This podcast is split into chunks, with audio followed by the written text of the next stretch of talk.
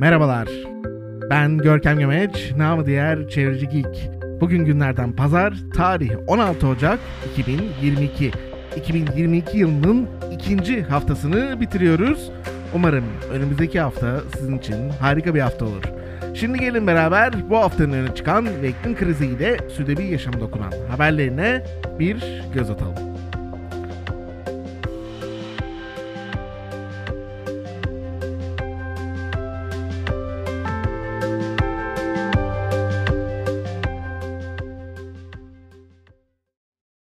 Avrupa'da küçük bir havayolu şirketi olan Brüksel Hava Yolları geçtiğimiz hafta ilginç bir açıklama yaptı. Şirket 2021 kışında 3000 adet uçuşun yolcusuz yapıldığını belirtti. Yani 3000 adet uçak içerisinde bir tane bile yolcu olmadan tam güç havalandı ve sonraki durağında indi. Havayolu bu kararın arkasında kalkış ve iniş izinlerini kaybetmemek olduğunu açıkladı. Benzer bir şekilde Brüksel Hava Yolları'nın ana şirketi Lufthansa Hava Yolları da aynı dönemde ek olarak 15 bin uçuşun aynı sebeplerden dolayı yolcusuz yapıldığını onayladı. Bahsettikleri yasal düzen Avrupa Birliği'nin hava yollarının çalışması için gerekli tuttuğu bir kural. AB'nin bu kuralı şirketlerin büyük havaalanlarında uçuşların en az %80'ini gerçekleştirmesini zorunlu tutuyordu. Bu kullan ya da kaybet kuralı koronavirüs zamanlarında uçuşların azalmasından dolayı %50 oranında indirilse de anlaşılan havayolu şirketleri bu hedefleri tutturmakta bile zorluk çekmekte. Belçika hükümeti Lufthansa'nın bu açıklamasından sonra Avrupa Birliği'nden belirtilen oranın daha da aşağı çekilmesi için talepte bulundu. Her ne kadar sonbaharda bir artış görülse de Covid-19 Omikron virüsünün de yayılması bu kışın beklenenden daha az havayolu trafiğine sahip olacağını gösteriyor. Lufthansa'nın kendisi ve alt şirketleri olan Swiss International, Austrian, Eurowings ve Brussels'ın Ocak ve Şubat ayı için şimdiden 33 bin uçuşu iptal edildiği söylenmekte. Bu geçtiğimiz dönemin %10'una denk geliyor.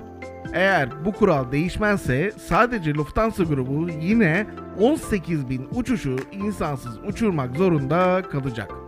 ABD'de bu gibi minimum uçuş konseptleri sadece New York'taki JFK gibi dev havalanları için geçerli.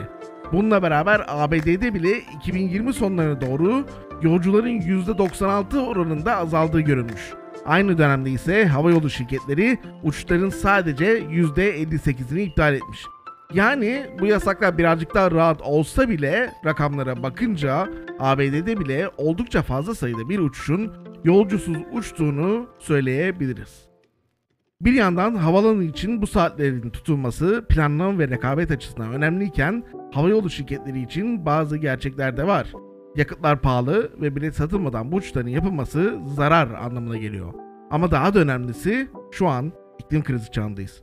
Küresel hava trafiği küresel emisyonların %2,5'undan sorumlu ve mantığı tartışılan bir kuralı uygulamak için gezegene bu zararı vermek bir o kadar mantıksız. Tabii ki bazı hava yolu trafiği kabul edilecek. Bunun karbon ayak izi de verimli yakıtlar ile azaltılabilir. Ama asıl çözüm zaten uygulanmakta. Karbon ayak izi daha düşük olan şehirler arası tren yolculuklarının arttırılması gerekmekte. Bu konuyu aslında daha önce Uluslararası Enerji Ajansı'nın 2050 net sıfır raporunda incelememizde ele almıştık. Raporda aynı şekilde uçuşların azalması gerektiğini, aynı şekilde şehirler arası tren yolculukların artırılması gerektiğinin altını çiziyor ve bireysel seçimlerin bu gibi kararlarda çok önemli olduğunu bir kez daha bize hatırlatıyordu. Bu konuyu tartıştığımız Apostol Bülteni'ne ulaşmak için bültenin içerisindeki bulunan linki tıklayabilirsiniz.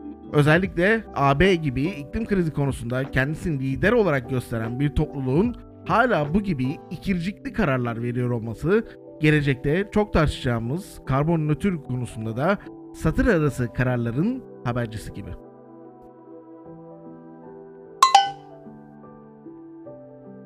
Gelin isterseniz şimdi geçtiğimiz haftanın öne çıkan haberlerine bir göz atalım. 6 ve 7 Ocak'ta yayınlanan yeni Cumhurbaşkanı kararları ile Mersin, Ankara, Kastamonu ve Manisa illerinde 988.342 metrekarelik ormanlık alan orman sınırı dışına çıkarıldı. Böylelikle bu illerin içerisinde bulunan seçilmiş alanların bilim ve fen bakımından orman olarak muhafazasında hiçbir yarar görülmeyen ve tarım alanına dönüşmesi de mümkün olmayan yerler olduğuna karar verildi. Benzer kararlar sonucunda bugüne kadar 6 milyon 843 bin 788 metrekarelik ormanlık alan ormanlıktan çıkarılmış oldu. Bununla beraber yapılan bir araştırma hali hazırda orman alanlarının muhafaza edilmesinin ve zarar görmüş orman alanlarının restore edilmesinin 2030 yılına kadar karbon salınımlarını %18 azaltabileceğini ve küresel sıcaklık artışının ortalama 1,5 derecede kalmasında önemli bir katkısı olabileceğini belirtiyor. İklim kriziyle mücadelede ekolojik varlıkların kendine özgü değerleri ile tüm canlılar için hayati önem taşıyan temiz hava, temiz su, temiz toprak gibi düzenleyici işlevlerinin muhafaza edilmesi en başta gelen unsurları oluşturuyor. Yeni bir rapora göre elektrikli araçlar 2025 yılına kadar Avrupa'da en çok talep edilen araç olacak. Tüketicilerin tercihlerinde önemli değişiklik olduğunu kaydeden araştırma, katılımcıların üçte ikisinin günümüzde bir elektrikli araca sahip olduğunu ya da satın almayı düşündüğünü de ortaya koyuyor. Tüketicilerin satın alma kararında en önemli etkenin maliyet olduğu görülüyor. Raporu hazırlayan kuruluşun kurucularından Amelie Pans ise kamu ve özel sektör şarj istasyonlarına erişimin kolaylaştırmasını da içeren güçlü bir şarj ağı herkesin elektrik ulaşımından fayda sağlaması için çok büyük önem taşıyor diyerek bu konuya dikkat çekti. Evet, bu haftanın haberlerinde beraber göz atmış olduk. Bu gibi haberler ile gündemi ve çözüm önerilerini öğrenmek için beni yani Çevirici Geek'i Instagram ve Twitter'da da takip edebilirsiniz. Çevirici Geek ile bu hafta podcastına ek olarak Apostol'da yayınlanan Çevirici Geek bülteni de bu podcastın e-posta olarak her hafta dijital posta kutusuna düşeceği bir haber platformu.